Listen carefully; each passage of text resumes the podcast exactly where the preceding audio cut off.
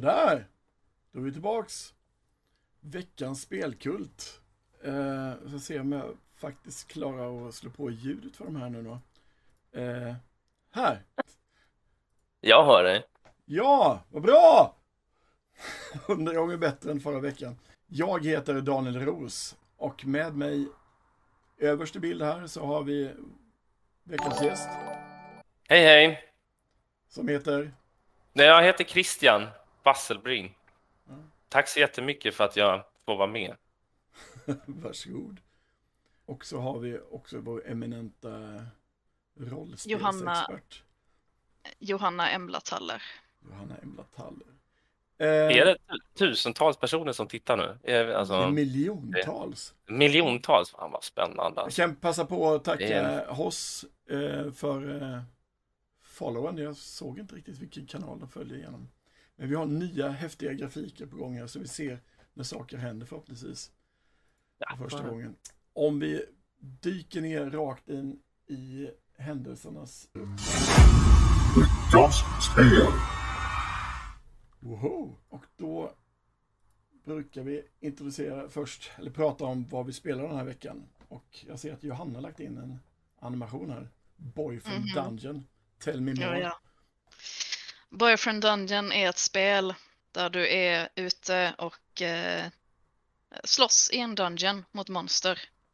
Samtidigt som du dejtar dina vapen. För vissa människor kan ju då förvandla sig till vapen. Och då kan man ju dejta dem. Um, och det är ett väldigt kul spel. Både som um, ja men dating liksom simulator och stories och historia bakom. Men Mm. även också ganska kul att gå. Ja men det kom ut nyligen. Relativt nyligen. Men Och är också- det ett datingspel eller är det ett eh, alltså, monsterdödarspel? Ja, Eller Det är är det båda. både och? det är båda. Wow. Påminner lite Evil X's eh, nästan kanske. Eller Eh, jag är inte helt klar än, men, eh, men det är kul.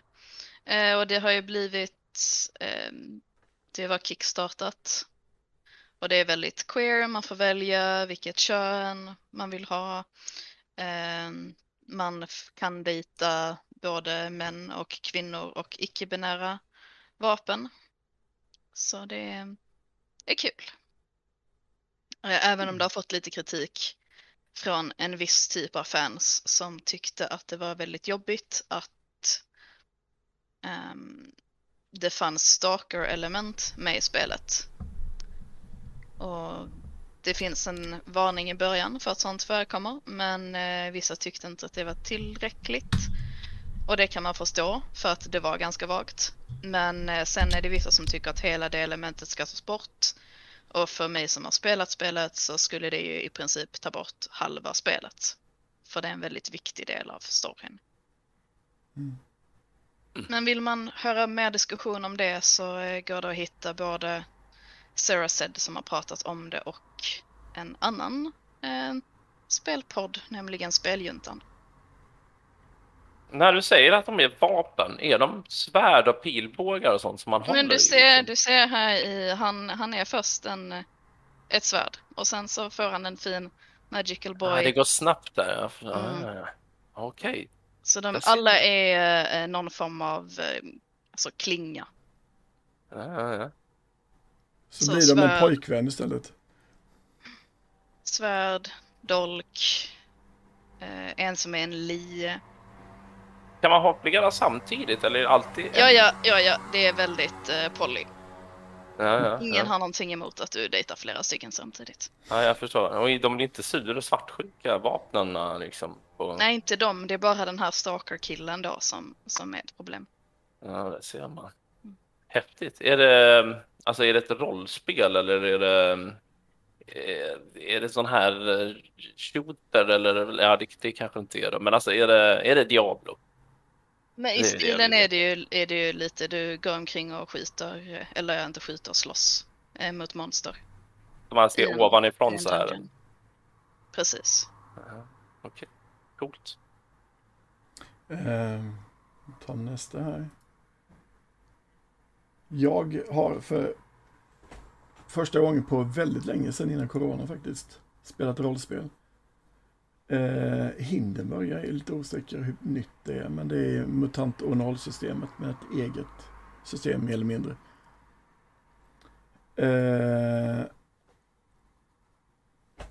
och det fick mig att inse ännu mer hur mycket jag ogillar systemet i sig, ONOL-systemet, och förstår ännu mindre de nya spelen som baseras på det systemet. Jag förstår att det är väldigt populärt, men jag kanske är väldigt gammaldags som inte riktigt förstår tjusningen i det. Så vi kommer då försöka modda det till ett eget system ändå för att kunna köra vidare kampanjen. Eh, du har hunnit köra lite O0 sedan tidigare eller? Jag har kört O0 Mm. eh, i flera olika mm, som man säger, utföranden. Både då eh, MUTANT och även andra spel.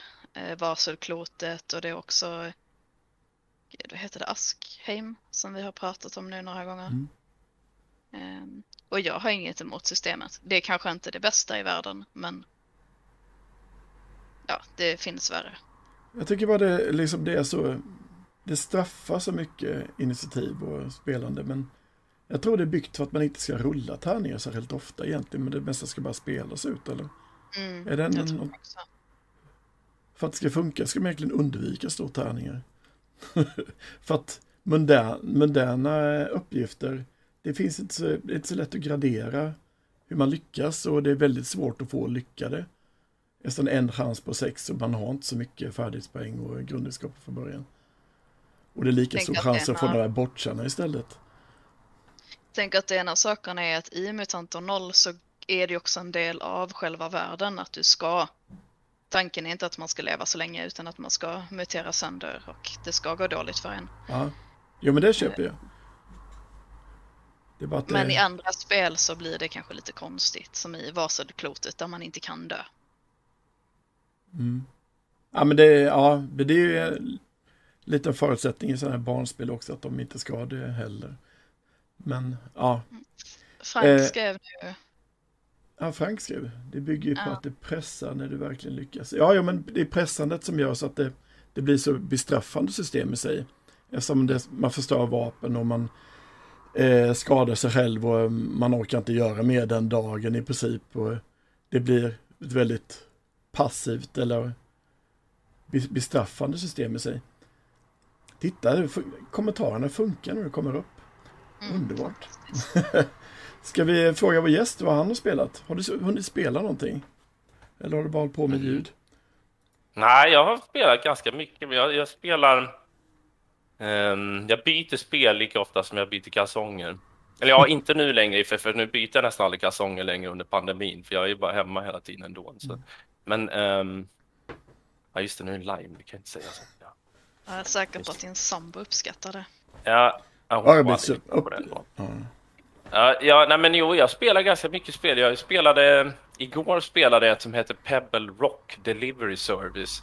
Ett eh, brädspel tillsammans med några vänner och min dotter. Och, eh, så det är ett barnspel och man ska köra båtar och lämna lite såna här, eh, ja man ska lämna lite så här beställningar på lite öar. Där kanske finns en, en ö där det bor massa får och en pingvinö. Och, Ja, det är ett väldigt mysigt spel.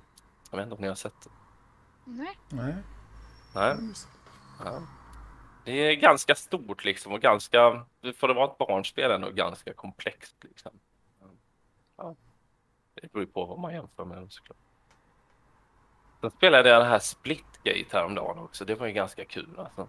Ehm, i någon sån här shooter när man har portaler. De har typ verkligen rippat de har verkligen rippat det från, det är som Halo, där de bara tagit portalerna från Portal och bara stoppat in det i Halo liksom. Men det är ganska kul. Uh, väldigt bra så gameplay. Uh, mm. Och jag brukar vara så dålig på sådana spel, men jag var ganska bra. Så därför tyckte jag det var lite extra roligt. Ja. Det är ingen av er som har spelat det, eller? Nej, jag, Nej. jag har inte fått för mig att spela. Nej, precis. Det är jag lite Nej. nyfiken på faktiskt. Ja. Ja, men det kan jag Eh. rekommendera. Det, finns på den här Game Pass. ehm, Nej, jag undviker. Game Pass tyvärr, men ja. Alltså? Nej, men jag är ingen konsolspelare, så att det bär emot att skaffa Eller nej Xbox. förresten, jag, det, var free to play förresten, så det var, var nog inte Game Pass. Jag tänker att allting jag spelar nu är Game Pass, men det är det ju faktiskt inte. För att det var nog ett sånt här free to play-spel faktiskt. Så, ja. Oj, ja, du får kolla upp. Eh, ska vi gå vidare? Nästa. Veckans nyheter. Så. Uh, ja, då får vi gå tillbaks. Det blir lite. Kör en till. Veckans nyheter. Kan inte få för många vinjetter.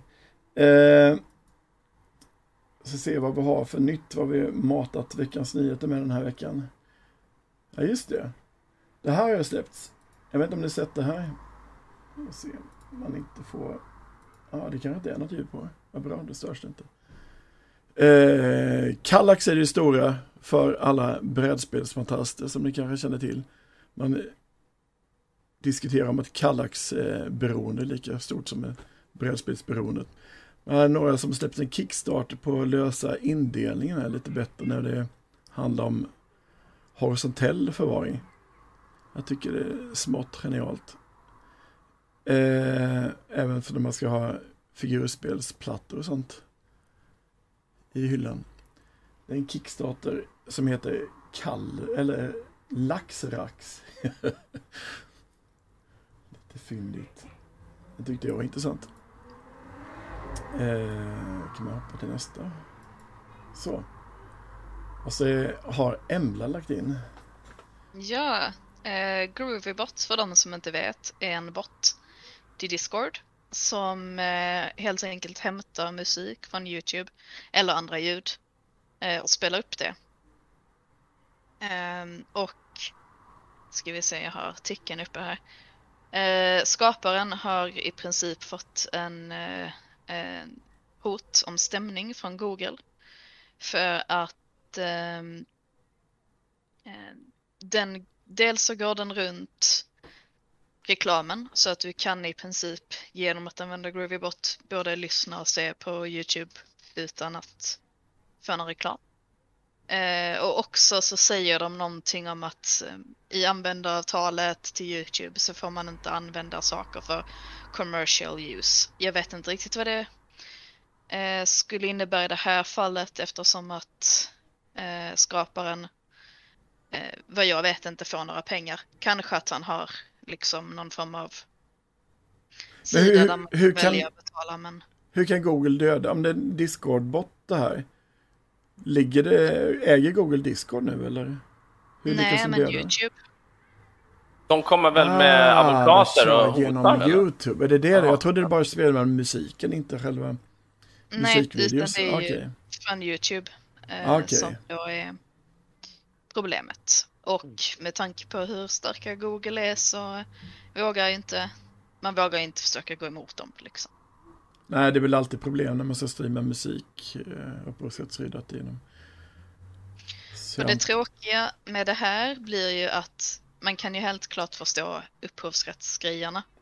Men ofta används det också till för att ha bakgrundsmusik om man bara rollspelar i sin lilla privata grupp. Eh, eller som i många fall där jag har varit med på eh, Discord live. Där musik och ljud har varit väldigt viktig för, för hela settingen, för hela upplevelsen. Och du ska kunna höra liksom ljud. Som jag har varit på ett live där man var beroende av att kunna ha ringsignaler för att veta när någon ringde. För allting handlade om att man skulle dela med sig av sina telefoner till sina vänner. För man har inget att dölja. Och ett annat där ljudmattan också. Man kunde liksom höra när saker hände. Så där tror jag att många livearrangörer kommer få det svårt att hitta en lösning på hur man ska kunna ha bra ljud i sina Discord live. Mm.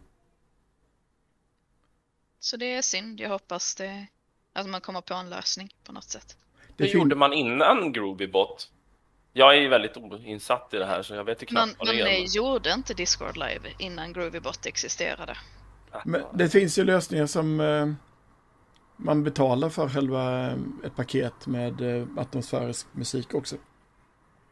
För olika rollspels... Eh, Jo, men, men fördelen är att du kan skriva in sätt igång det här. Och så sätter den igång det här. Det finns säkert Jaha, du kontrollerar själva, okej, i själva chattrutan där. Ja, så Men, men vad händer om man som en medlem i en Discord-kanal bara startar en stream och sätter igång YouTube liksom? Det går väl, eller? Ja, det går. Kan man inte göra så då? Jag tror det blir lite för mycket jobb att gå runt allting. Och så vill du Ah, inte okej. se det. Fördelen är att den kan spela bara ljudet. Ja, ja, ja, just det, just Så det. den har en egen kanal där Ja. det visas men ljudet spelas upp i Mm. andra kanaler då. Mm. Men det är coolt. Jag visste inte att det fanns, alltså att det förekom så här Discord eh, live. Men det låter ju jättesmart. Mm. Det, Ja, jag men antar att det- det är ganska vanligt. liksom. Det har ju växt jättemycket nu med pandemin. Ja. Eh, Förhoppningsvis så kan det ju få finnas kvar. Eftersom att jag kan spela med folk från ja, men i princip hela världen. Ja. Eh, Utan Hur många att- är man i en sån, på ett sånt live? Alltså är man liksom en kanal med hundratals människor? Eller? Det är för mycket. Det är nog högst upp mot 20 personer åt gången för att det ska vara, fungera liksom. Ja. Får in en fråga från Kristin här. Om du är nyfiken på Discord live. Har det utvecklats under pandemin och är det vanligt? Eh, ja, precis. Det kom ju svar. Eh, men, eh, men ja, det har utvecklats jättemycket. Och nu är det ganska vanligt. Hur gör man för att hitta ett sånt här? Tyvärr skulle jag säga att det gäller att man känner folk i vissa fall. Eh, det finns en som heter Tavern Quest som är britter.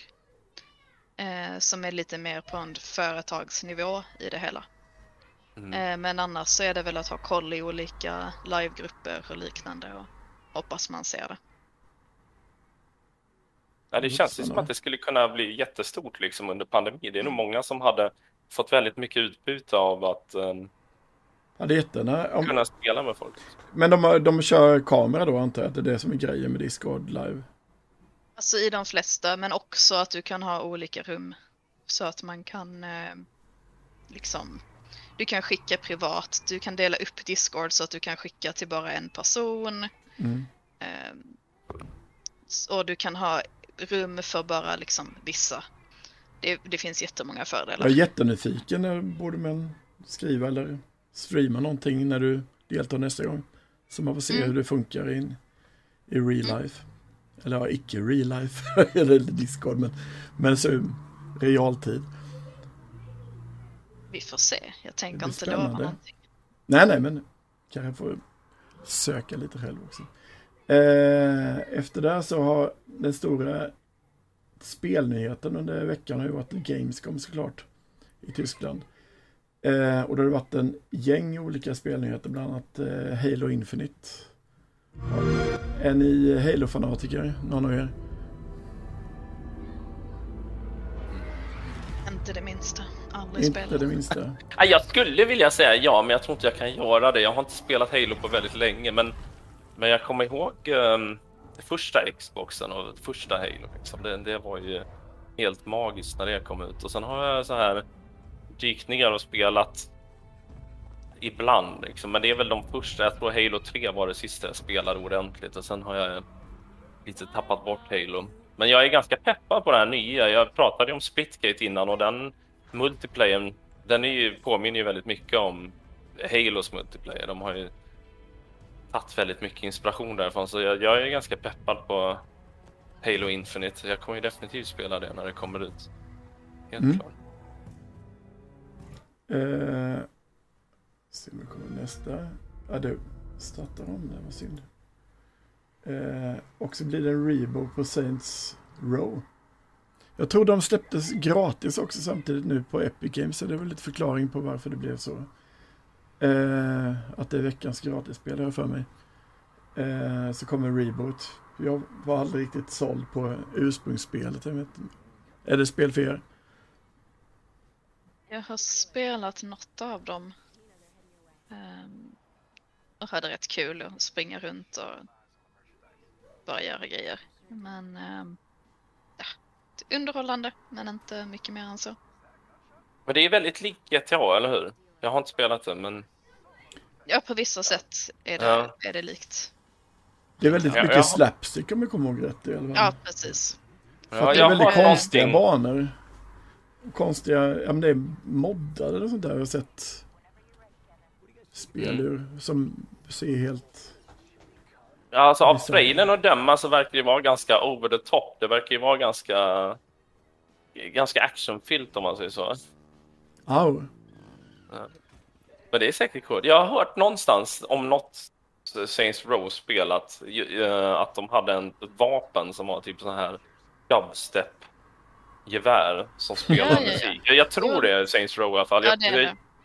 Just det, för det var ju ganska kul. Jag gjorde vapenljud ehm, på min, mitt första jobb på Massive och, och då höll man ju koll på olika spel, liksom hur deras vapenljud lät och så vet jag att vi dök upp det här med Saints Row och de hade ett dubstep-vapen då liksom, så det var, det var ju ganska kul.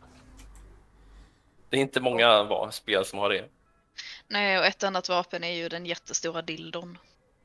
Alltså det finns det också. Mm.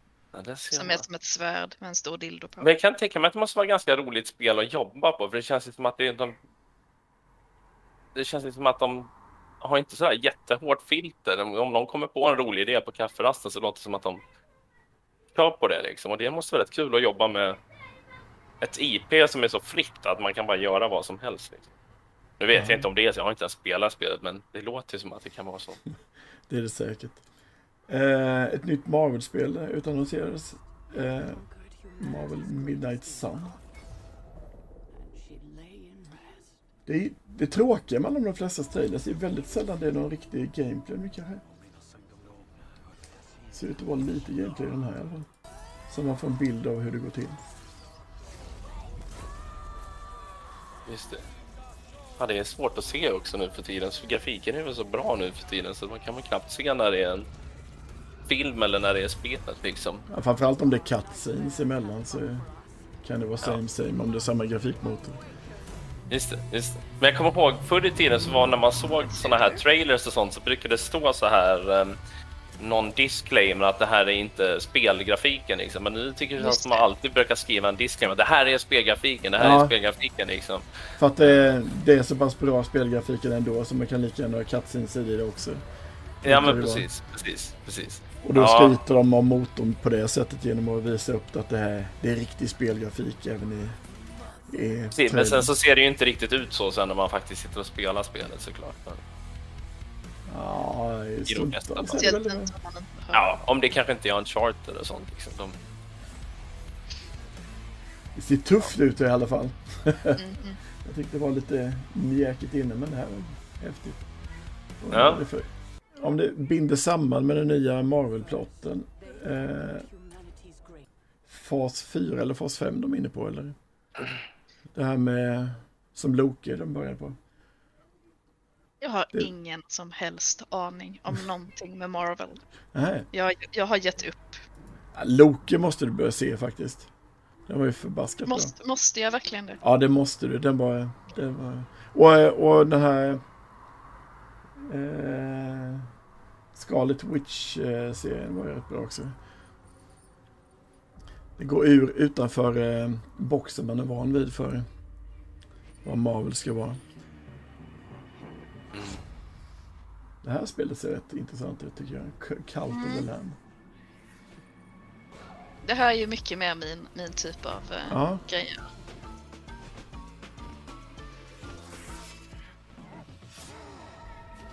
mm, Men det är väl inte också heller gameplay riktigt. Nej. Men jag tror man fick se lite sen. Det verkar ju vara något sånt här top-down eller så här isometriskt spel. Man springer runt och... Jag vet inte om de hade lite management och sånt. Och det, det var i slutet tror jag man såg lite... Aha, ja. Nej, kolla, kolla. Men det är ju väldigt eh, tillfredsställande eh, estetik liksom. Det är väldigt fint. ja. Platt. Mm. Jo, det ser spännande ut. Eh, man betar av lite snabbt den stora släpp den här Lego Star Wars Skywalker Saga. Jag får lite allergi på de olika Lego-spelen. Gillar du det? Legospelen är kul. Jag stör mig på att de inte går all out som i filmen. Att, eh, att de är böjbara ledare. Att, det att de inte agerar som själva legofigurerna. Det tar mig ur den här... Det kunde lika gärna vara vad som helst, inte lego.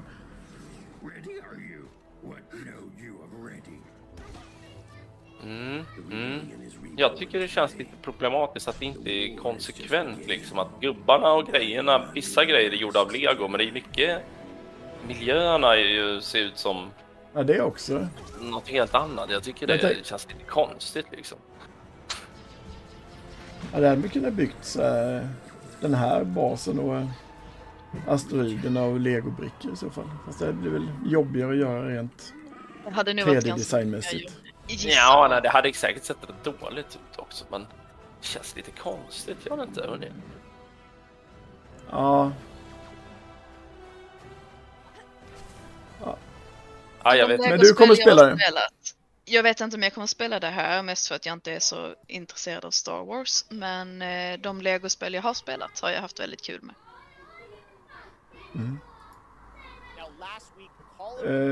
eh, Call of Duty Polina. Ser om jag kan spola fram till gameplay.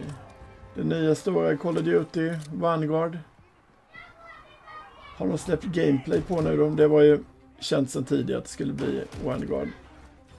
Det blir väl till att man måste spela på grund av kampanjen ändå, för det brukar vara rätt maffigt. Även om jag inte riktigt... Jag är rätt trött på eh, andra världskriget. Ja, just det. Men det var ganska länge sedan de gjorde andra världskriget, va? Call of Duty. Det, var, Ja, det har varit mycket sådana moderna Call of Duty-spel. Alltså med framtiden och sånt där, tror jag. Det är ju väldigt fin grafik. Ja, det, vidare. Och så kom eh, Death Stranding eh, Directors Cut. oj, oj, oj. Som har spelat det så kanske måste spela Directors Cut. Jag vet inte, hade han för lite att säga till om innan tyckte han? Directorn eller vad, varför krävs det en Nej, Directors det kan han inte ha haft. Är det inte bara ett sätt att få ännu mer pengar? Ja, Eller de är uppgraderade för PS5. Och så kallar han för Ja. Directors Cut. Various Eller om han bara har kommit på ännu mer konstiga saker att slänga in i. Ja, det, är, det finns nog ingen hejd på konstiga saker att slänga in. Vad har ni spelat eller? Nej, men jag blev lite sugen för ett tag sedan. Ehm, men jag vet Mm. inte riktigt om jag har tiden till att springa och lämna paket. Ja, det, är, det, är, det är en spelmekanik som lockar mig riktigt. Springa Nej, det är till ganska fots under långa avstånd. Det låter jättetråkigt alltså, men när man ser trailern och sådär så ser det ju rätt coolt ut. Man, man eh, bara går med ett paket från A till B. Jag är jättenyfiken på storyn. Är, men om man hade kunnat hoppa över den här delivery mission så hade det varit mer intressant. Men det känns ju lite som att han är väl mer intresserad av att göra film ändå. Liksom. Så man kanske Ja. vill släppa en version som bara är filmsekvenserna. Liksom. Och valen då i, säkert antar att det är några val i det. Men det ser väldigt spännande ut. Alltså det, det verkar ju ja. helt crazy bananas. Liksom. Bilspel är någonting för er? Forza Mm. 5 Horizon. Första initial drive. Spelar du bilspel sa du? Nej, jag, inte- jag, jag, jag spelar ju som jag sa innan, jag spelar ju alldeles för mycket spel känns det som. Jag spelar dem ju i en kvart, sen byter jag. Eh, Men jag har ju testat alla, alla eh, Forza-spelen eh, och de är häftiga. Forza 4 var ju jättebra. Ehm, Jo, det här känns väl som ett, ett av de här första Xbox-spelen som verkligen pressar eh, liksom grafiken och så här på de nya konsolerna. Liksom. Det känns i alla fall som att det är ett stort säljargument för det här spelet. Att det kommer verkligen ta det till nästa nivå. Ja, Kristin eh, nämner Red Dead Redemption som exempel på ett spel som man bara rider fram och tillbaka och levererar saker. Eller springer med paket. Det kanske är det som inte lockar med det heller. Framförallt med om det är en knölig häst som ska gå konstiga vägar. Men det kanske är harm för de som gillar sånt gameplay. Men har ni spelat Red? Mm. Jo, det tyckte jag var jättebra. Ehm, De är verkligen mästare på på till storyn i, i sina spel. Fast när de är så öppna liksom, och har så mycket valmöjligheter och grejer så, så, så känns det ändå som att man spelar en film. Liksom. Och det tycker jag är väldigt imponerande. De har sån hög, eh, höga produktionsvärden så det känns som att spelet borde vara jättelinjärt, mer som ett Naughty Dog-spel än som Uncharted och sånt. Men, men eh, så det är ju väldigt imponerande att de kan få ihop det. Får se om jag lyckas gå vidare utan att starta om. Så. Metroid. Dread. Eh, andra official trailer. Jag vet inte om det varit utannonserat innan. Det är dålig Jo. insikt. Jo, men de nämnde det på sin, eh, på någon presskonferens för ett tag sedan. Mm. Är det någonting för er? Det kan nog vara kul. Mm. Klassisk plattform. Antar jag du, man ser lite gameplay också.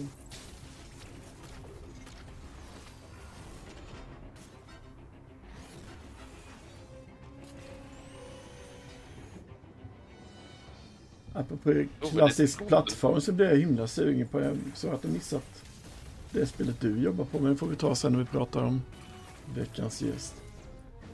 Eh, jag hoppar vidare. Giants Uprising.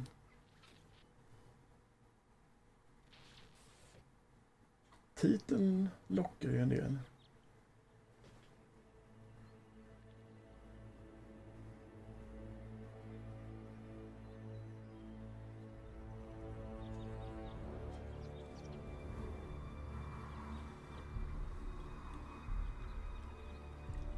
Jag kan se i chatten nu att det ändå är ganska många spel där man ehm, måste springa omkring och Mm. flytta saker från en punkt till en annan. Just det. Ja, men det kanske, är, det kanske är vanligare än man tror. Det känns bara som att Death Stranding är det första spelet som inte försöker... Där det är allting man ska göra. Det är väldigt tydligt liksom att det här är poängen. Men det kanske är någonting man gör i många spel. eh, utan att tänka på det. Eh, Och det verkar vara många som tycker att det är väldigt roligt att göra det också.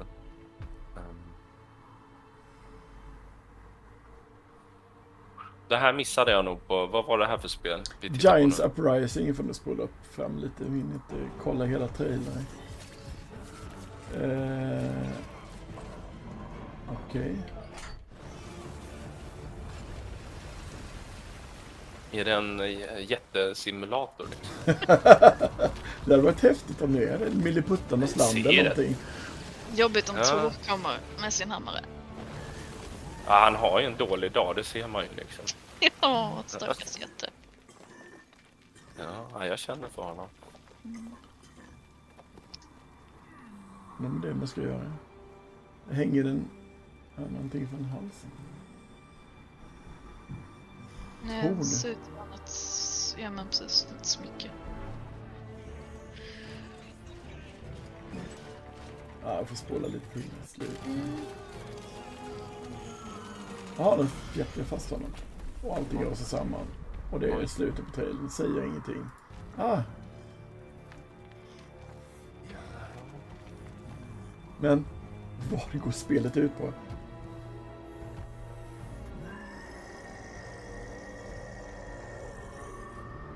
Ja, det var lite intetsägande. Eh, nästa. KS Gate, det här är någonting med min linje. Jag vet inte om ni sci-fi 40k-nördar. Nej, Absolut Jo, nej, men det gillar jag ändå. Jag ser fram emot det här nya um, svenska spelet som är 40K. De, de, jag kommer inte ihåg vad det heter nu, men de har gjort en version av det här Vermintide som ska utspela Ja, just det, men det kör Necromunda va? Ja, var det inte Necromunda de det var körde? nog- De nej, det var ett? Eller var Ja, det ytterligare ett? Det. var ett som släpptes för några månader sedan som var Necromunda tror jag, Mm. men, men det här nästa är nog... Nej, Jag vågar inte säga exakt, jag har inte så jättebra koll på de där universum och hur det hänger ihop, men men de ska göra ett 40k-version utav uh, det här um, Vermintide-konceptet liksom, att det är en sån här Okej. co-op eh, shooter liksom. Ja, Kill Det är jag. väldigt... Ah, det kanske är. Um, Ja, det är många trailers det är säkert kanske någon i chatten som ska säga Ja, det får det man svara. Jet the Far Shore. Det kanske är mer som lockar er. Brothers. Eh, vi spolar fram lite här. Oj, det var mycket snack så vi kan inte uppe. Det verkar vara lite visuellt annorlunda i alla fall. Mm, Det kan också vara ett spel där man ska åka långa sträckor. Och utforska. Mm. Eller åka, det kanske är racingspel mer. Ser det ut som. åka igenom det är ganska här. roligt ut alltså.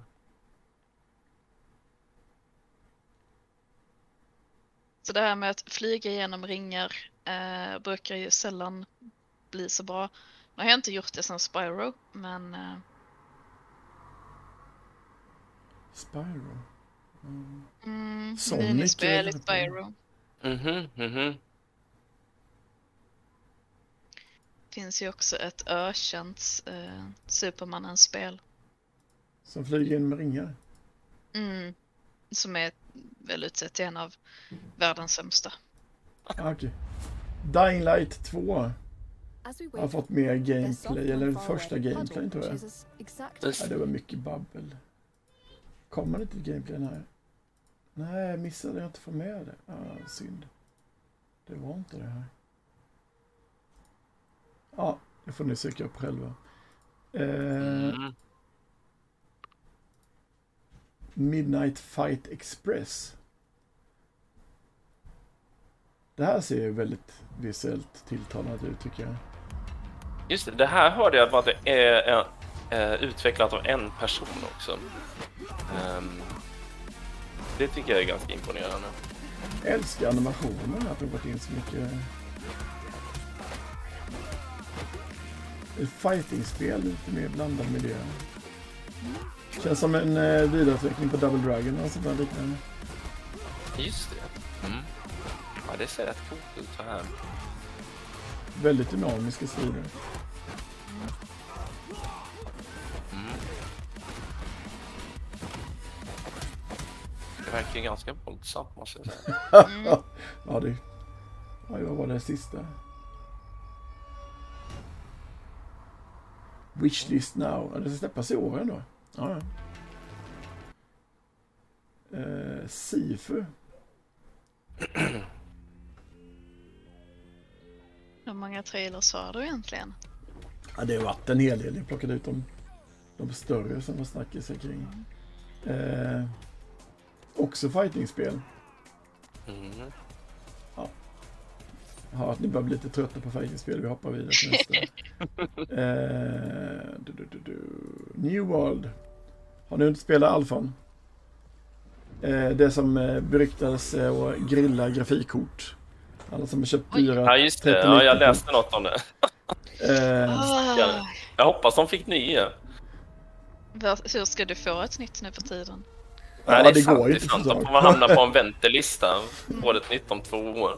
Nej, nej, jag har inte spelat det. Men det är lite kul. Det känns ju lite som att det här med MMO-spel är nästan lite på väg tillbaka kanske. Jag vet inte. Det känns som att det... Just det här vinna eller försvinna för Amazon Studio också. Det, de har blivit tvungna att lägga ner och det har floppat en hel del deras tidigare spelprojekt. Just det. Eh, det här är troligtvis deras största projekt, Amazon Studios, och på den här deras egna eh, Lumberyard, Mhm. som nyss bytte namn har jag för mig. Eh, men det här går ju upp en beta nu. Vad jag Mm. förstått. Det står väl i slutet här och det är rätt öppet spelsätt i jämförelse med andra MMOs också vad jag har förstått. Så ska vara deras selling point.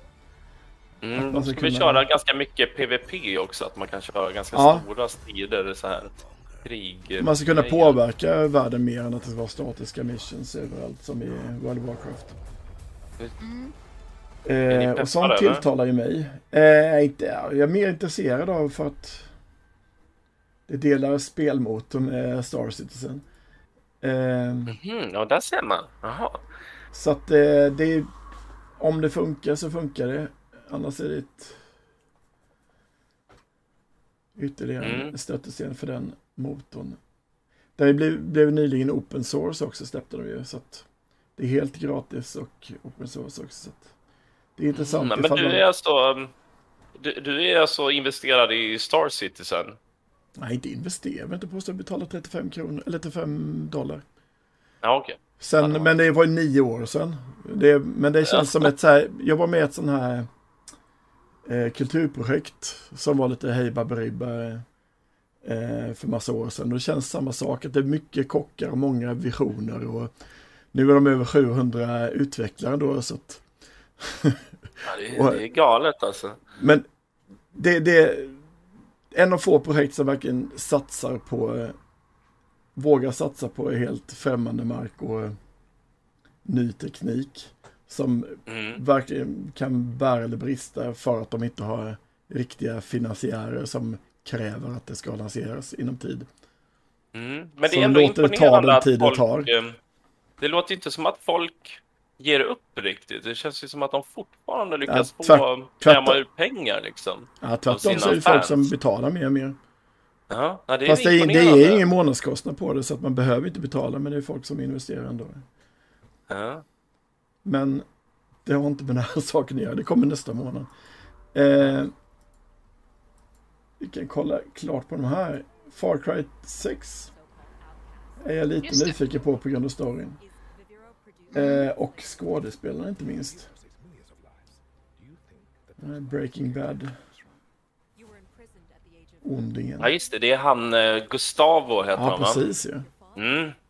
Ja, det är rätt intressant där tycker jag att man börjar se så mycket skådespelare som dyker upp i spel liksom istället. Um, det känns som att det är många som, som vi vågar testa det liksom. Många kända.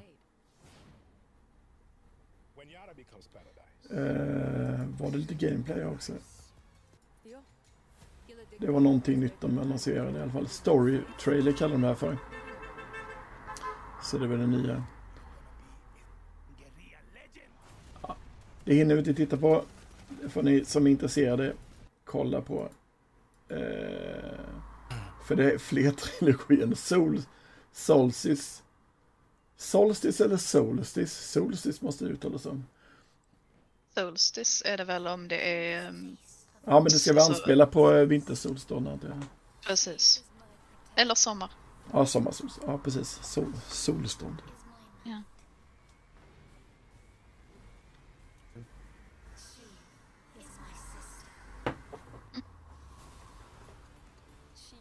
Och med en själ då med också. Ja, ja. Ja, jättevapen såklart som Ja. klassisk anime-stuk. Ja, Det är ju lite häftigt ändå. Det tilltalar dig? Ja, men det är någonting. Det beror lite på hur svårt det kommer vara. Jag har väldigt svårt för spel som är för, för svåra för jag får dåligt eh, tålamod för att orka nöta. Mm. Mm. Det var balansfrågan. Men, eh, men det ser... eh, Det ser ut som ett svårt spel, jag förstår vad du menar. Det ser ut som att det här, det här är svårt. Liksom. Men är det inte något av de här klassiska Demon Hunt, eller vad, de, eller vad heter det, som, som, är så klass, och- som är så klassiskt jättesvårt? Jo, men det Så känns som att det var ju deras grej, liksom att de gjorde de här hardcore-spelen för en hardcore-publik som, som många ändå verkar ha suktat efter mycket. Liksom. För det är nog många som tycker att spel kanske är för enkelt. Så. Det är bra om man vill bli väldigt investerad i ett spel så är det ganska bra om det är väldigt svårt. Liksom. Um, känns det som. Oh, det var det. Trailern är slut. Eh, Mm. Då har vi något annat att se fram emot. Veckans gäst. Ja, vi kan ju ha en, en eh, här- presentation också. Veckans gäst. Sådär. Är det oj, tänkt oj. att jag ska säga någonting nu eller? Vi har en gäst med oss. Eh, och eh, Johanna kan ju ta över ordet. Du hade någon tanke här. Gud, eh, hade jag det? Eh, nej men... Eh, Nu kör vi. Jag får bara få, få till de här. Jag sliter med dem så får vi köra dem flera gånger. Ja, nu är det slut. Kör på. Ja, men eh, Christian här eh, eh, jobbar då med ljud och eh, framförallt kanske blivit eh, alltså, känd kanske inte är, är Nej, säg inte ord, det. men eh, fått framgångar genom eh, Little Nightmares som ju många eh, hyllar just på grund av ljuden. Mm. Eh, och som jag själv också, jag har, ska bara, har bara spelat det första, ska erkännas. Eh, men också tycker att ljudet ger väldigt mycket för upplevelsen. Jag måste ju villigt erkänna att jag har knappt hört talas om det, men du tvungen att titta lite. Och eh, jag skaffade omedelbart för att det triggar precis rätt nerv på... Det påminner väldigt mycket, jag tycker det påminner om eh, Inside på ett bra sätt. Mm, mm. Eh, Ja, men det kan jag tänka mig. Vi Och- blir ofta jämförda med Inside. eh, jag kan ju slå på här lite. eh, En stream. Kan man ha lite ljud i bakgrunden här som vi kan prata om också kanske då? Du var ju mer än bara eh, det här spelbolaget också. Du jobbade på Massive innan va? Eller vad var det? Mm. Jag, jag började um, alltså, min, den- min spelutvecklingskarriär på, på Massive. Det stämmer. För um, Oj, nu har vi ingen ljud här. åtta år sedan kanske. Har ni ingen ljud på mig? Nej, eller? nej men på... så Ja, ja, okej. ser. Ehm. Nej men precis, jag började jobba på Massive, det, var, det är väl kanske en 8-9 år sedan nu. Jag, vet inte. jag jobbade på ett spel som hette The Division eh, på Massive. Ett sånt Ja, vad, vad, vad är det för spel? Jag aldrig talas om. Det är Tom Clancy-spel, så det är mycket så här militärer och eh, The Division är ju då en sån, en sån här hemlig enhet som aktiveras när eh, en pandemi slår till i New York. Jag var lite sarkastisk. Det var nära hem, ja. Men... det var ett eh, stort spel att komma in i direkt, antar jag. Jo. Jo, men det var det. Det, var en, alltså, det är en väldigt stor produktion och The Massive på den tiden var kanske 200 anställda. Nu tror jag att de är närmare 600. Så, så de har ju vuxit väldigt snabbt. Men det var ett stort maskineri att komma in i. Men jag kan ändå tänka mig att många som börjar i spelbranschen börjar på de här stora företagen för de har ju de har ju ett behov av väldigt många människor så de, de tar in mycket praktikanter och så här. Det var så jag började. Ehm, Så det är ett bra sätt att komma in. Och sen, ja, jag jobbade väl där i tre, tre, kanske fyra år eller något sånt och sen så. Jag kommer ihåg att jag såg en sån här teaser. Tarsier som, som jag jobbar på nu då, som gör Little Nightmares, de släppte en teaser på det här eh, uh, Little Nightmares-spelet där de visade upp väldigt tidigt konceptet så här och då kommer jag ihåg att jag kontaktade dem direkt alltså efter jag hade sett den där um, teasern som de visade. För det, det var liksom det. Dels så var det väl också något väldigt. Det skiljer sig väldigt mycket från det här uh, militär um, Tom Clancy grejen, så det, jag såg väl fram emot att jobba på någonting som var väldigt annorlunda från det. Och sen så är det ju väldigt. Jag, jag, jag tycker just den här typen av spel när det är en skräck och väldigt atmosfäriskt. Det här det, det ger ganska mycket utrymme för ljud. Ehm, så om man jobbar med ljud så är det ganska tacksamt att jobba med den typen av spel. Jag tror, alltså i, i en shooter eller något sånt här så är det klart att folk kommer reagera om det låter dåligt och så här om vapnen, men, men man får inte riktigt samma utrymme att um, att ljudet kan ta så mycket plats liksom, som det gör i just den här sk skräckspelen. Så, så, Ja, så det är ju väldigt oerhört äh, atmosfärbyggande i de här Mm. Precis. Så jag tror det är en anledning. Jag, jag, jag är ju väldigt ödmjuk över att folk eh, alltså, ger komplimanger, att de tycker att ljudet är bra i spelet. Det är jättekul, men jag tror att det är ett ganska tacksamt... Um, ty, ty, alltså de här typen av spel, som Inside också eh, och Limbo, får ju oftast ganska mycket uppmärksamhet just ljuden i de produktionerna. Så jag, jag tror att det beror lite på just typen av spel också. Ehm, tror jag. Mm. Ja men det Men är det- jätteviktigt i, i, i skräck och i atmosfär. Både i eh, liksom film och i spel. Mm. För att få rätt känsla liksom. Ja. Eh, vi hade en fråga i chatten eh, från Frank. Mm. Eh, hur mycket ljud samplar skapar du själv i en produktion och hur mycket handlar det om att balansera ljud man redan har tillgång till? Mm. Det är en bra fråga.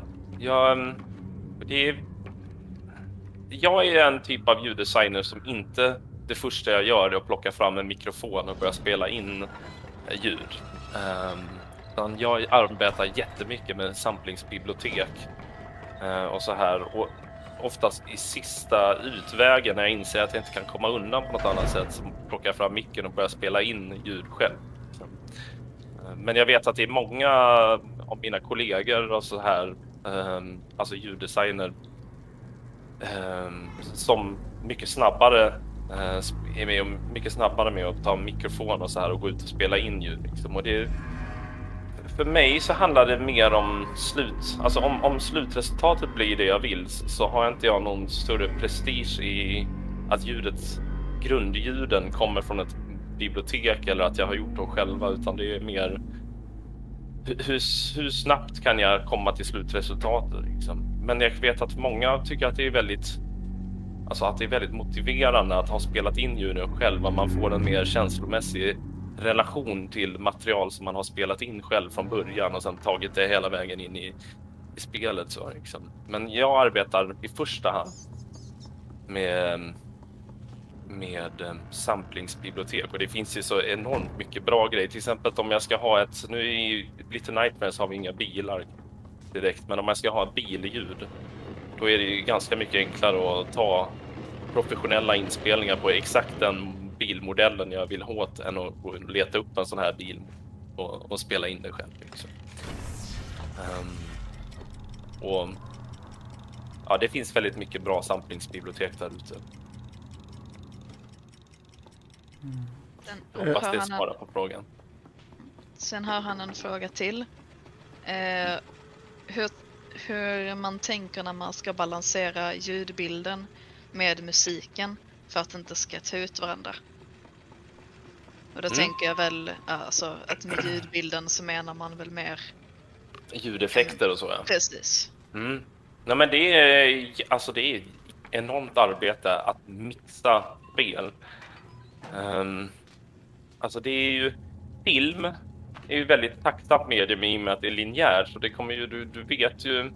Det kommer ju låta likadant varje gång och så måste man mer ta ställning till hur det ska låta när man spelar upp det på olika enheter om man lyssnar genom laptopen eller om man lyssnar i hörlurar och så här. Men spel är ju, det är ju bara ett enda kaos. Det kan ju hända spelaren kan ju göra vad som helst. Det, det, det kan ju skapa så mycket oljud. Så väldigt mycket av spel eh, ljuddesign handlar om att minimera mängden spe- ljud som spelar hela tiden. Man måste försöka få kontroll på mixen. Liksom.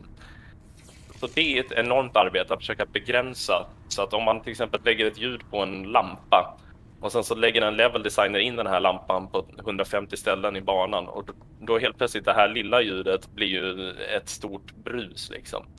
Så då handlar det mer hur man, hur man begränsar uppspelningen av ljud.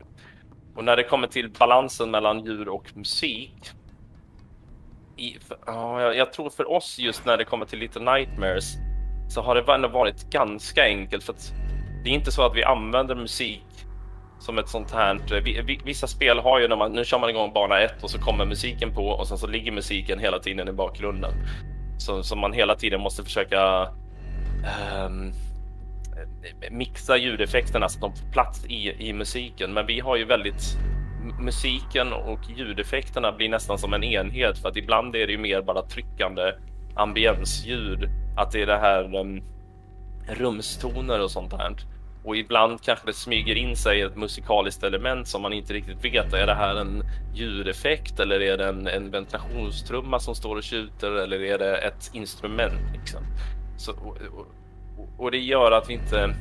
Vi har hela tiden ett ganska tydlig kommunikation eh, med, mellan mig och Tobias som är kompositören som gör musiken. Eh, hur varje scen ska vara. Liksom. Vart musiken ska ta, eh, ta över och vart ljudeffekterna måste ja, få vara i fokus liksom. Och sen så är Little Nightmares ett ganska linjärt spel. Så, varje gång man spelar igenom det så är det, det är liknande, liksom, eh, scenerna är väldigt liknande varje gång. Och det underlättar ju också.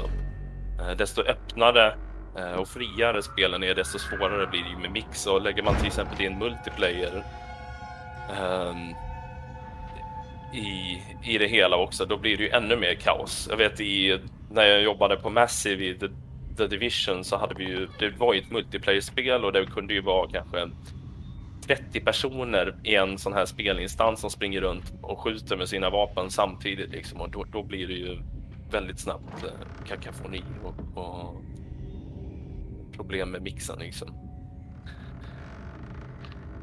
Ja. Jag hoppas det svarar på frågan. Det är, det är ett väldigt stort ämne liksom som jag pratar mycket om. Jag är förtrollad över det här spelet och ljuden. För undrar hur mycket man ska våga visa utan att spoila för mycket här. Man kanske ska pausa. Mm. Eh, Just det, det här är ju Li- Little Nightmares 1 som ni visar upp nu. Är det ettan? Ah, men Det kan det här är precis, precis det här, ja, nej, men det, det är fortfarande ett, värt, ett spel värt att spela. Jag tror. ehm,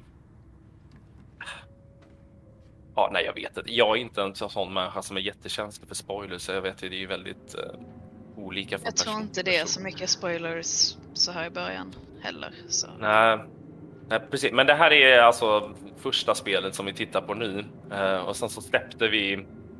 Ja, nej, hur det känns som att det var jättenyligen, men det är nog i februari i år. Så släppte vi uppföljaren till det här spelet. Då, så vi har misslyckades jag lägga in det. Hmm. Man ska få in det på...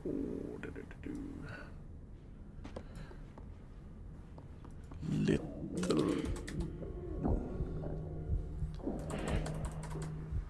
Ja.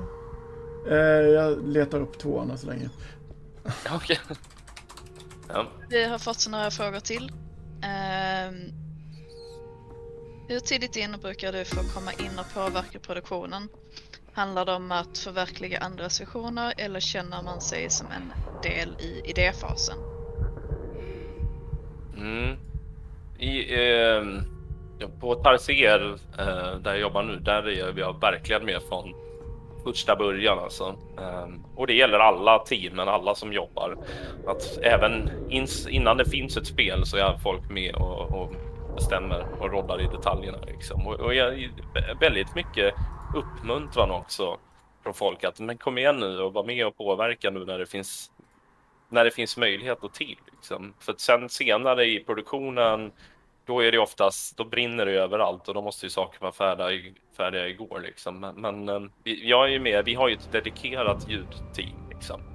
Så det är inte så att jag hoppar in i ett spel precis i slutet och ljudlägger allting som finns, utan vi är med väldigt tidigt och börjar testa, eh, testa ljud till de koncepten som vi har. Och det kan ju vara att man sitter och komponerar musik som är bara till konceptbilder eller så här. Och, och sen så är vi även med i vissa fall och påverkar gameplay liksom. Och vi kanske har en egen idé på mm, Ja men till exempel som i det här Little, Little Nightmares 2 som vi gjorde nu senast så har vi en fiendekaraktär som är, vi kallar The Hunter liksom som springer runt eh, i, i en skogsmiljö och jagar spelaren och då, då började vi väldigt snabbt på ljudteamet testa olika så här, ja men vi kanske kan ha en bana där Huntern står på det här avståndet så att vi kan leka med att han, han skjuter dig och så du ser ingenting men du hör hans skott träffa dig och sen hör du smäll, smäll, smällen i efterhand. Liksom. Så här, och, och då börjar vi kanske ljudteamet då um, skapa, sätta upp den här scenen och så får vi hjälp av Eh, level designers och så som kommer in. Och så, så, så att vi har ju väldigt stor möjlighet att gå in och, och på, påverka um, hur slutresultatet blir. Och, och, nu är just den här scenen som jag pratar om här nu, den lyckades inte komma med i spelet sen och så är det med väldigt, de flesta idéer känns det som blir ju kapade av olika anledningar liksom. Um, så man måste ju vara väldigt um, man måste ju vara väldigt inställd på att hela tiden kill your darlings, att det, det, man måste göra det som är bäst för spelet liksom, i slutändan. Men, ehm, men att vara med och påverka, det får vi verkligen vara. Liksom. Och, och sen så på större spelföretag så är det ju lite mindre, där är det ju lite svårare. Att alla kan vara med och, och eh, vara kockar liksom. Det blir lite mer, jag hade lite mer känsla att man sitter lite mer vid ett rullband.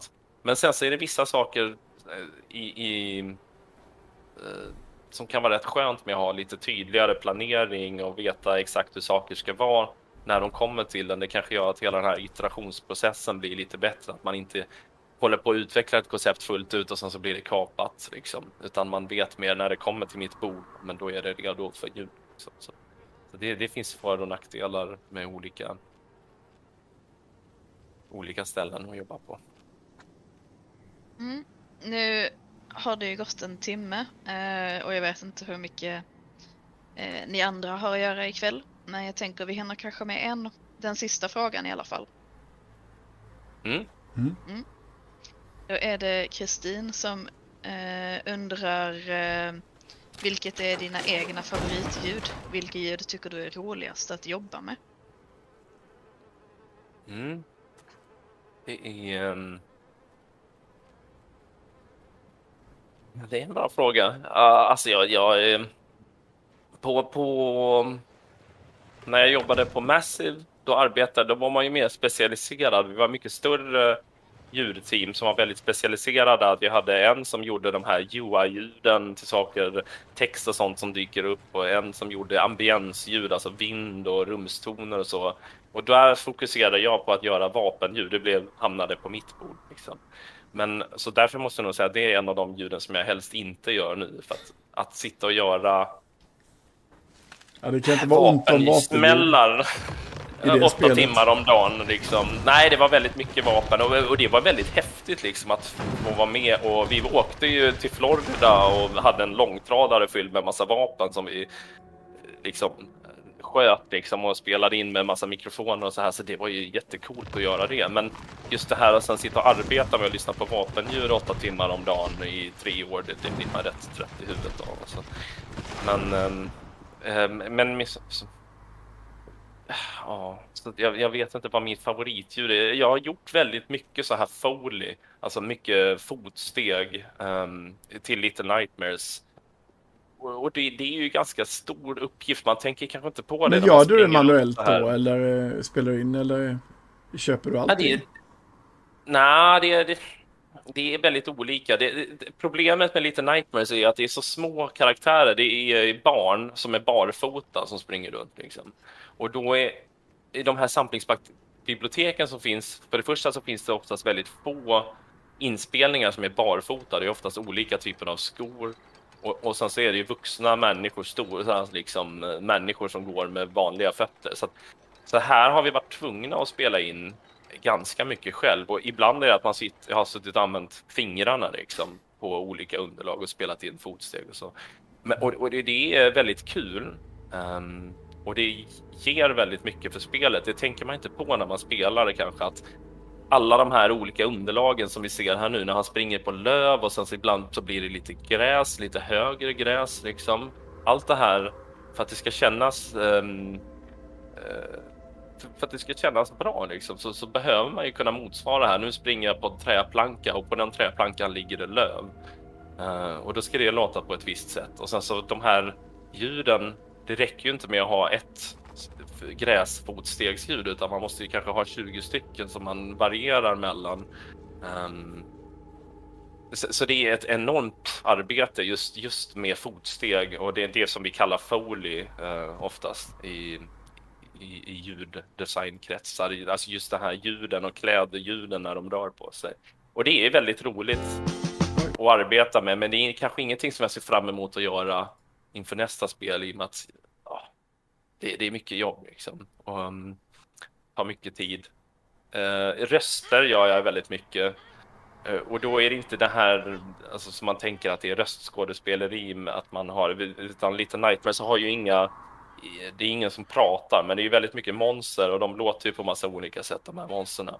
Och då är det oftast att man måste um, manipulera sin egen röst på olika sätt. Och, och, och det kan ju vara väldigt kul. Just nu spelar jag lite mono-röstklipp från Little Nightmares 2. Okej, ja, Då har ni någon inte, eh, ehm, röstskådis för det antar jag, eller? ja, just, För ehm, barnet? barnet här, det är min kollega Tobias som har gjort de röstljuden. liksom. Okej. Eh, Så, och då, ja, det, alltså, då är det ganska mycket arbete just med hur ska vi få en vuxen man att låta som ett barn. Ehm, och, och, men, men jag tror att arbetet om vi hade valt istället att ja, men vi tar in en barnskådespelare och försöker göra det här.